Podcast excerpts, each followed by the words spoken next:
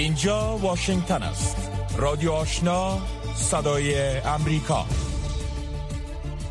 سلام و وقت شما بخیر. آواز ما رو از امواج رادیو آشنا صدای امریکا مشنوین برنامه خبری این ساعت را به امید صحت و سلامتی شما با مشروع خبرها آغاز می کنم که همکارم خالد مفتون به توجه می رساند. سلام و وقت بخیر.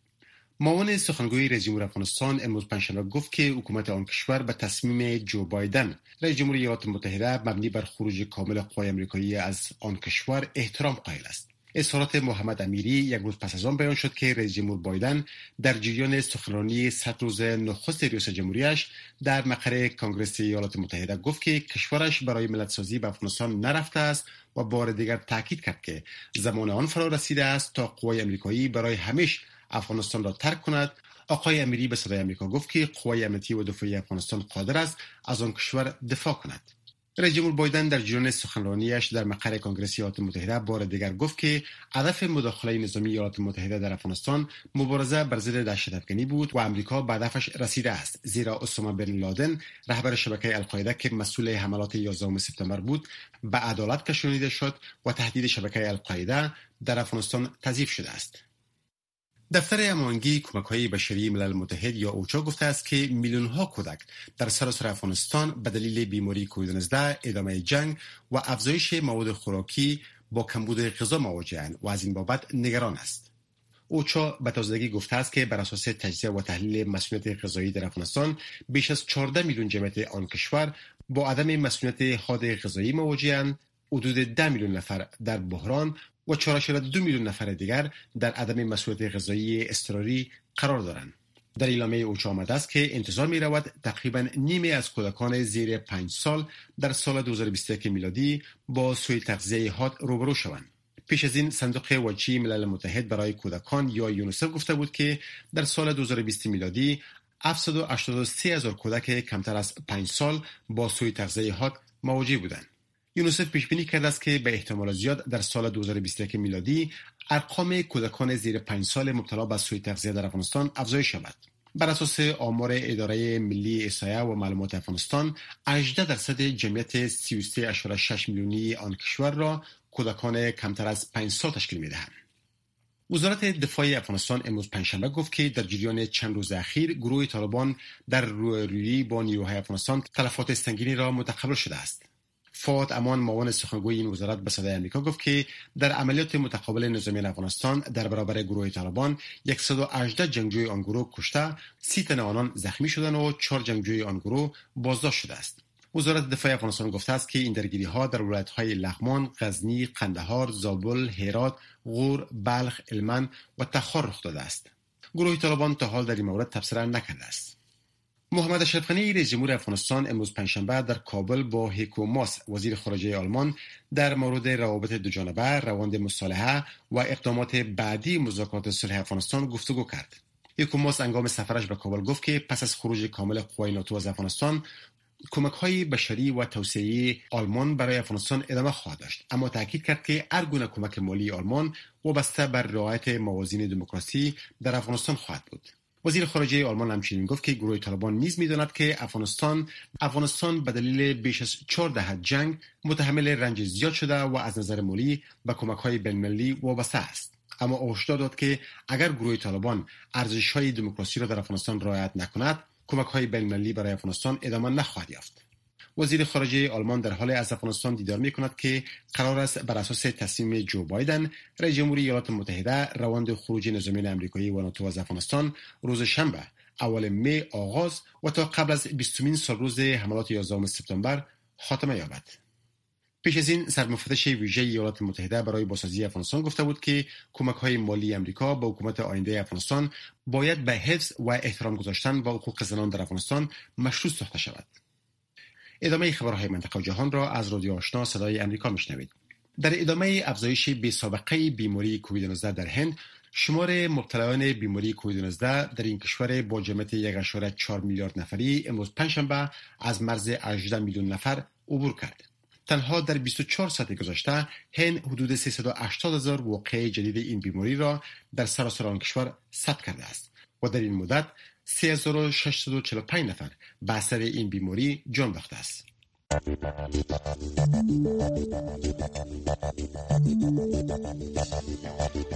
سلام و وقت همه شما بخیر شنونده های عزیز. من قدیر مشرف هستم و شما را به برنامه امشب گفت و شنود رادیو آشنا صدا امریکا.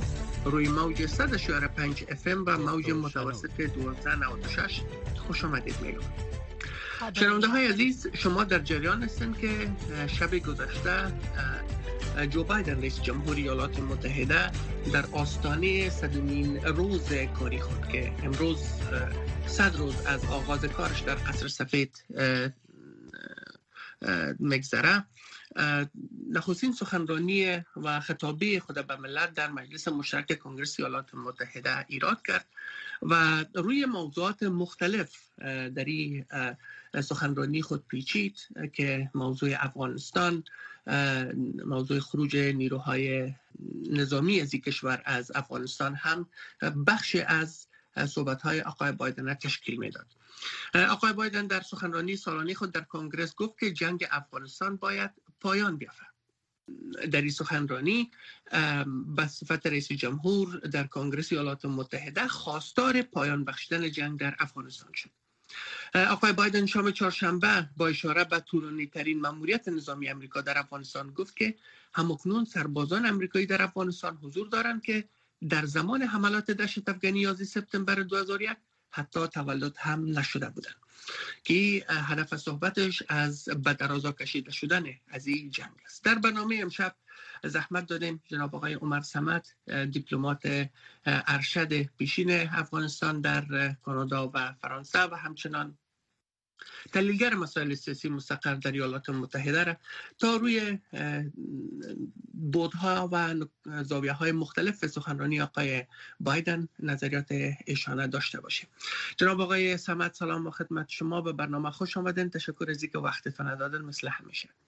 تشکر آقای مشرف از شما و سلام به شما و به شنوندگان عزیز میرسونم جناب آقای سمت شما صحبت دیشب سخن رئیس جمهوری ایالات متحده را شنیدن. به عنوان یک دیپلمات من اول می‌خوایم در کل نظرتان درباره از این صحبت آقای بایدن بشنوم. شما در چه تفاوت را در صحبت های دیشب رئیس جمهور بایدن با حداقل دو سه رئیس جمهور پیشتر از او که ترامپ است اوباماس و جورج دبلیو بوش است. احساس کردن و مشاهده کردن. تشکر. در کل می‌تونیم بگوییم که آقای بایدن در وقت و زمان این خطابه را ایراد کرد به ملت امریکا بعد از صد روزی که از وظیفش و شروع به کار ریاست جمهوریش نگذره. که جهان یک جهان بسیار متفاوت است. با چیزی را که آقای ترامپ تجربه کرده بود آقای اوباما تجربه کرده بود و آقای بوش تجربه کرده بود. اگر سه رئیس جمهوری گذشته مد نظر بگیریم. جهانی است که اول ضربه کرونا را خورده و هنوز هم این ویروس جهان تهدید می‌کنه. هرچند ایالات متحده در یک حالت نسبتا بهتر قرار داره چون واکسین کرونا را تانستن در خلال چند ماه اخیر و چند هفته اخیر به صورت بهتر از آن چی پیش, پیش بینی می شد بله.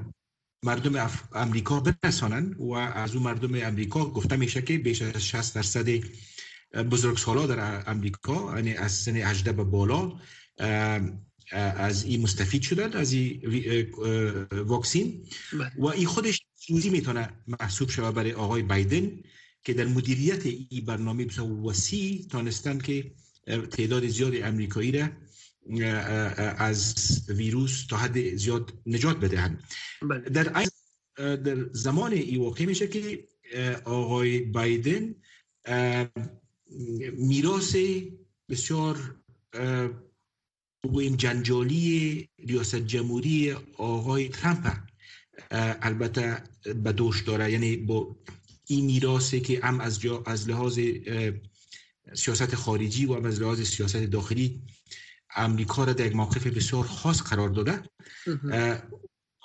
مجبور است که با حوادث مابد از او با تاثیرات از او دست پنجه نرم کنه هم در ارتباطات روابطی که امریکا با متحدین خود داشت که او رو باید ترمیم بکنه هم در رقابت هایی که امریکا با کشورهای مانند چین و روسیه داره. او در اون قسمت هم باید یک پالیسی داشته باشه و هم در ارتباط با قضایای دو جانبه مثل موضوع ایران و برجام و دوباره راه مذاکره را باز کردن.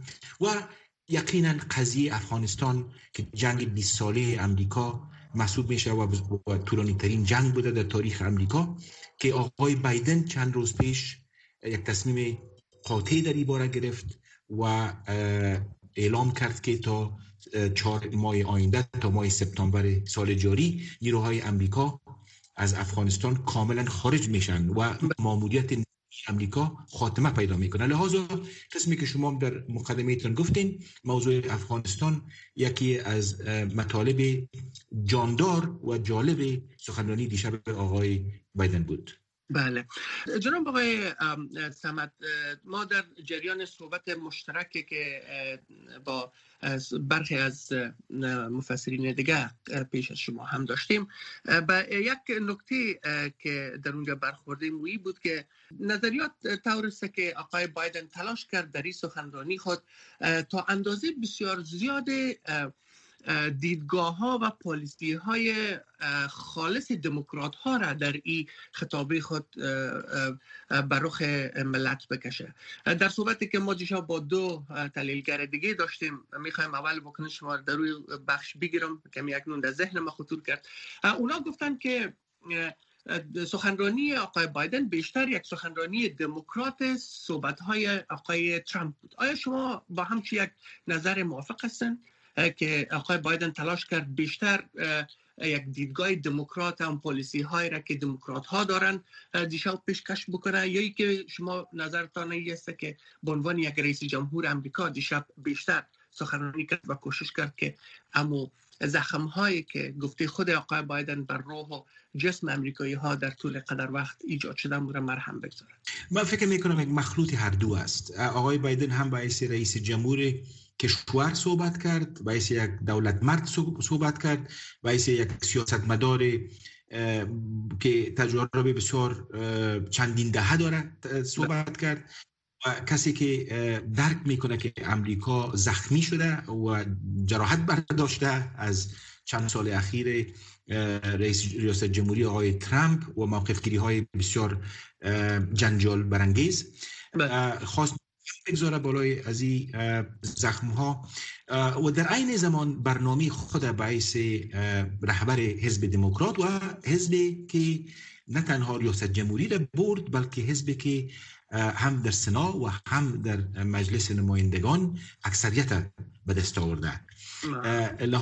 من فکر می کنم که با یک خواست که با یک مندیت و آجندای قوی و دست قوی نشان بده که برنامه های خود و برنامه های حزب خود قسمی که وعده سپرده بود در جریان کمپین انتخاباتی هم به پیش می‌بره و در شرایط البته مشکلتر کنونی هم در امریکا و هم در جهان و با من نظر داشته البته سکتگی و ضعف اقتصادی که با او روبرو هستند و چالش های بیرونی که خصوص موضوع رقابت با چین که من فکر می کنم برای امریکا از لحاظ سیاست خارجی یک اولویت خاص پیدا کرده.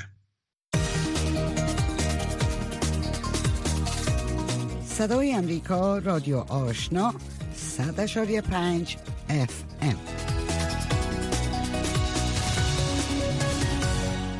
ام شنونده شما برنامه گفت و شنود رادیو آشنا را با جناب آقای عمر سمت در مورد سخنرانی دیشب جو بایدن جمهوری ایالات متحده در مجلس مشترک کنگرس ایالات متحده میشنوند.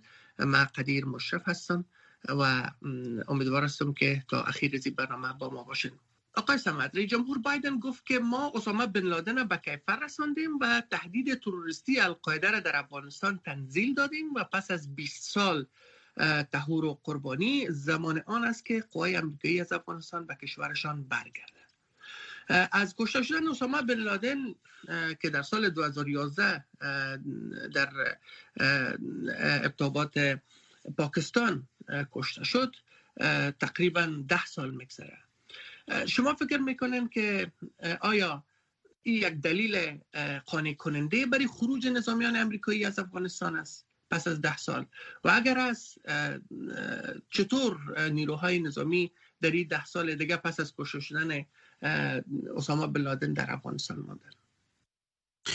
خب یک سوالی است که باید امریکایی ها خودشان جواب بدن که چرا بعد از کشته شدن بن لادن ده سال دیگه در افغانستان ماندن در حالی که ما می‌دانیم که آقای اوباما هم می‌خواست که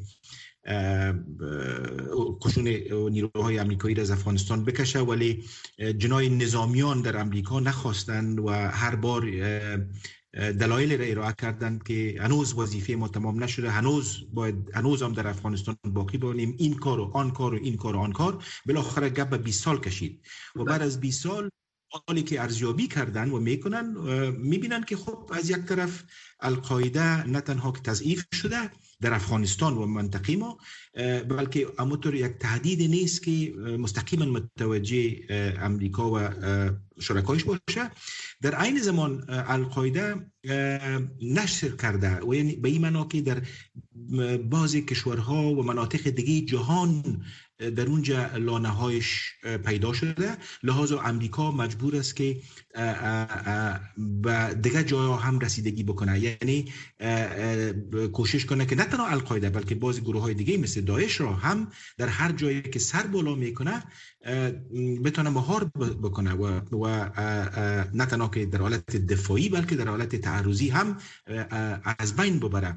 لحاظ آقای بایدن این را ساخت که او وظیفه از دیدگاه خودش و دستگاه امریکا دیگه ایجاب نمی‌کنه که در افغانستان با نیرو و با مصارف گذاف باقی بمانند چون اولویت های دیگه در جهان پیدا شده و از لحاظ موضوعات تهدیدات تروریستی.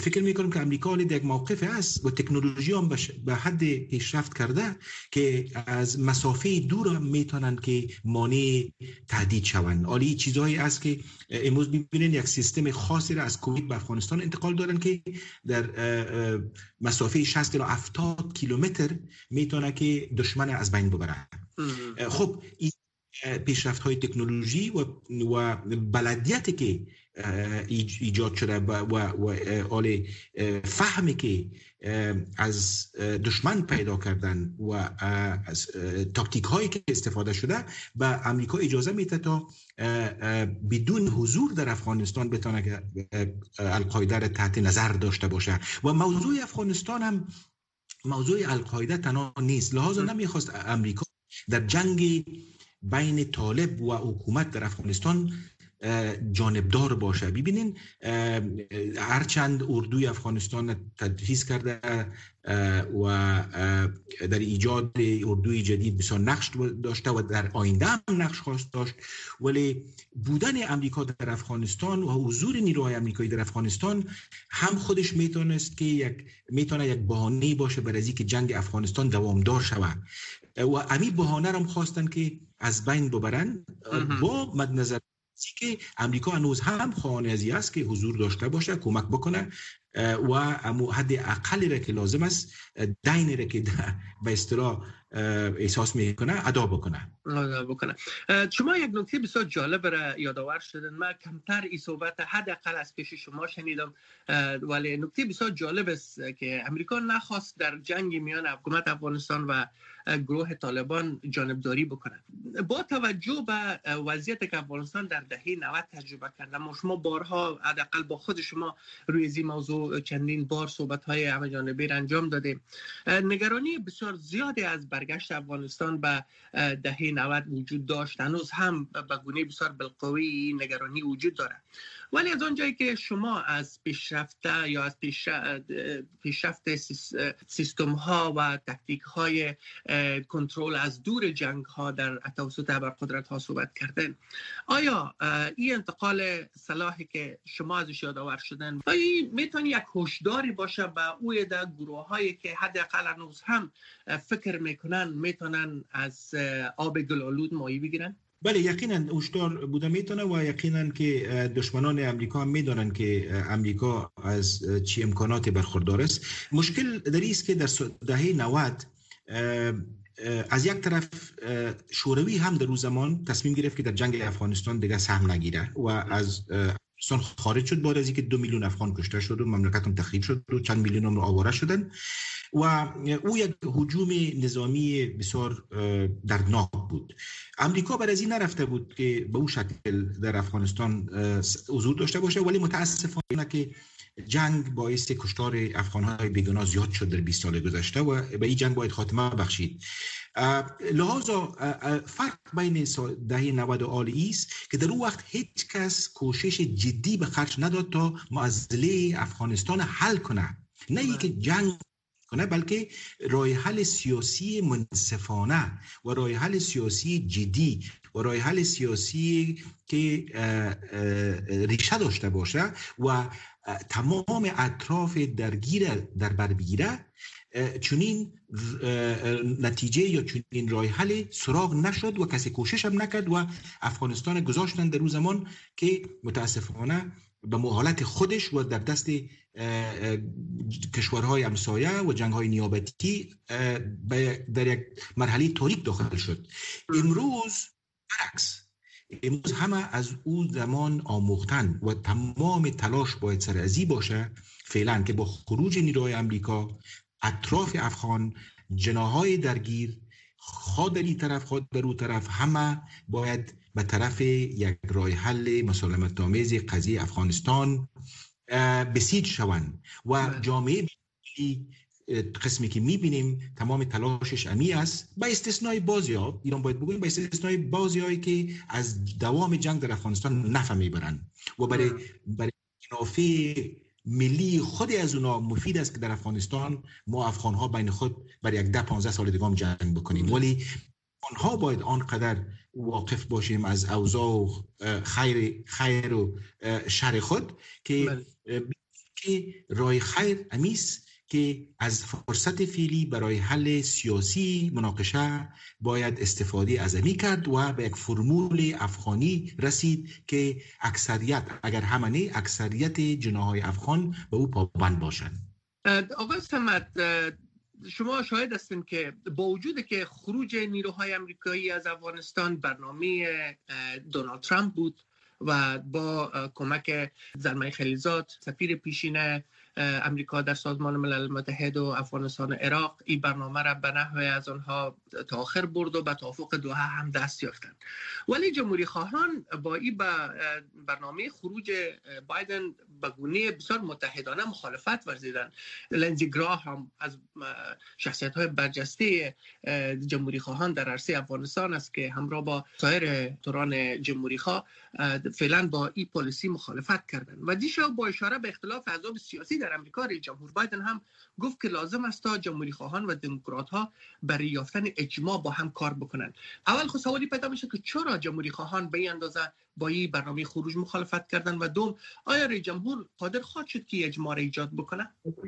سکنین نظرسنجی بعد از خطابی آقای بایدن نشان میده که 75 الی 85 درصد کسانی که این خطابه را شنیدن و تماشا کردن جانبداری کردن از گفتار آقای بایدن.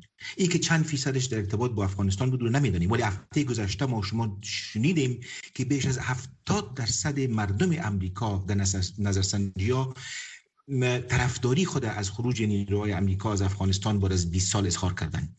آقای زیگره هم یک شخص شناخته شده است. یک سناتور شناخته شده است.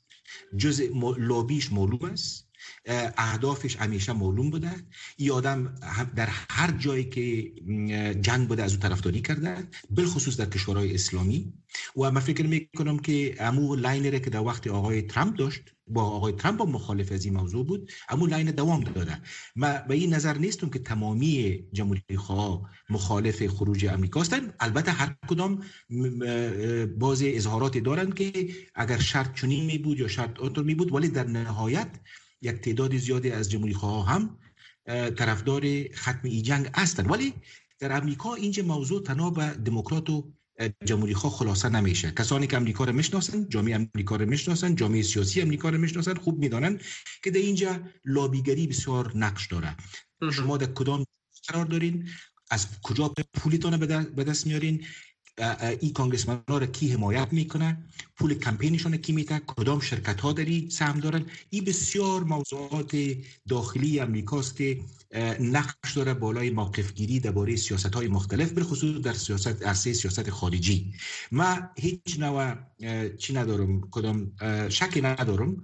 که اکثریت مردم امریکا بعد از 20 سال فکر می‌کنن که چیزی که لازم بود انجام دادن ولی در عین زمان هم امریکایی ها و هم افغان ها می‌خواهند که امریکا هنوز هم در افغانستان یک نقش سازنده و یک نقشی داشته باشه که در اونجا از خود یک شهرت خوب به جا بگذاره مردم افغانستان از او مستفید شوند و کمک های امریکا در آینده به صورت بله. شفاف و بدون از اینکه حیف و میل شود قسمی که در 20 سال گذشته قسمت اعظم کمک ها حیف و میل شده و یا صحیح به خرج نرسیده از این به بعد کمتر هم شده ولی اگر به صورت با, با حسابدهی درست و با برنامه ریزی درست سر افغان ها خرج و امکان داره که تاثیرش بالای زندگی مردم افغانستان بیشتر باشه و ما باید خواستار ازی باشیم که امریکا در آینده کمک های خود به افغانستان دوام بده و کمک هایش باید با حسابدهی پس دوباره مورد اجرا قرار بگیره. و سوال پیش مردم افغانستان یا فلانی رهبر افغان یا فلانی نمی‌دانم قلدر افغان پول امریکا را خورد و یا کدام فلانی امریکایی خورد. این باید از بعد. لحاظا بسیار درس های زیادی است که از 20 سال گذشته بیاموزیم. و امیدوار هستم اشخاص مثل لنزیگر هم هم این درس ها بیاموزن آقای سمت تشکر از صحبت شما. دیشب رئیس جمهور در خصوص روسیه گفت که به رئیس جمهور روسیه واضح کرده که خواستار افزایش تنش نیست اما به گفته آقای بایدن عملکردهای مسکو پیامد داره. ببینن روسیه یکی از کسایی بوده که در مسائل افغانستان دخیل بوده و اکنون هم بسیار سریع در صحبتی که صدا امریکا با کابلوف نماینده ویژه روسیه در امور افغانستان و پاکستان داشت و همچنان پس از اعلام خروج نیروهای امریکایی تا به ماه سپتامبر واکنش مسکو بسیار واضح بود و این عملکردش نقض توافق دوحه. عنوان کرد. شما فکر می‌کنین که حکومت به رهبری آقای بایدن چگونه تعامل با روسیه را به عنوان یک قدرتی که در نزدیک سرحدات افغانستان حضور داره و سایه افکنده بتانه ای را کنترل بکنه تا ای که از حمایت های سیاسی برخی از گروه هایی که بتانن رنگ بدل بکنن و از آدرس روسیه بتانن در منطقه فعالیت بکنن جلوگیری بکنن. ببینید رابطه روسیه و امریکا یک رابطه بسیار پیچیده و بغران و آیز اهمیت است و چند بودی است. یک بود کوچکش افغانستان است. و بسیار جالب است که در عین زمانی که هم تنش وجود داره در عین زمان یک ارزومندی هم افاده شده از طرف هر دو طرف بالخصوص آقای بایدن که اگر شود در آینده نزدیک با آقای پوتین یک دیداری هم داشته باشه. و می‌خواه پس امی عادتی که در گذشته رهبرای امریکا داشتن که وقتا فوقتا با رهبران شوروی سابق و روسیه می‌دیدن امید پس آغاز کنه چون این به نفعشان تمام میشه که یکی دیگر بهتر درک کرده بتونن ولی قسمت افغانستان بسیار جالب است. امروز یا فردا قرار است که نماینده خاص امریکا با نماینده خاص روسیه با نماینده خاص چین و امکان داره پاکستان و ترکیه در قطر باز هم سر موضوع افغانستان یک دیدار دیگه داشته باشن. بعد از اینکه چند روز پیش در مسکو دیدار داشتن و دیدارهای مختلف لحاظا در ارتباط با افغانستان و امکان داره یکی دو موضوع دیگه جهانی دیدگاه روسیه و امریکا همسان باشه و یا با هم نزدیک باشه اگر صد درصد همسان نیست و من فکر می‌کنم که ای برای حل قضیه پیچیده افغانستان هم مفید واقع شده می‌تونه بله. هر قدر که سطح کشورهای بزرگ جهان و در سطح منطقه اجماع قوی باشه و مو اندازه فکر می‌کنم که حل سیاسی قضیه افغانستان آسان تر میشه جناب آقای عمر سمت دیپلمات ارشد پیشین افغان در کانادا و فرانسه و تحلیلگر مسائل سیاسی مستقر در واشنگتن. جهان سپاس از وقتتان و که در برنامه با ما حاضر شد. میرمانی زنده باشید شنونده های عزیز نظریات را که شما جناب آقای عمر سمت شنیدن نظریات و دیدگاه های خودشان است و با دهنده نظریات صدا امریکا نیست ما قدیر مشرف از حضورتان مرخص میشم. برنامه ما تا این دم همه قدر بود. ولی پای رادیوهایتان باشین نشرات رادیو شنا هنوز هم ادامه داریم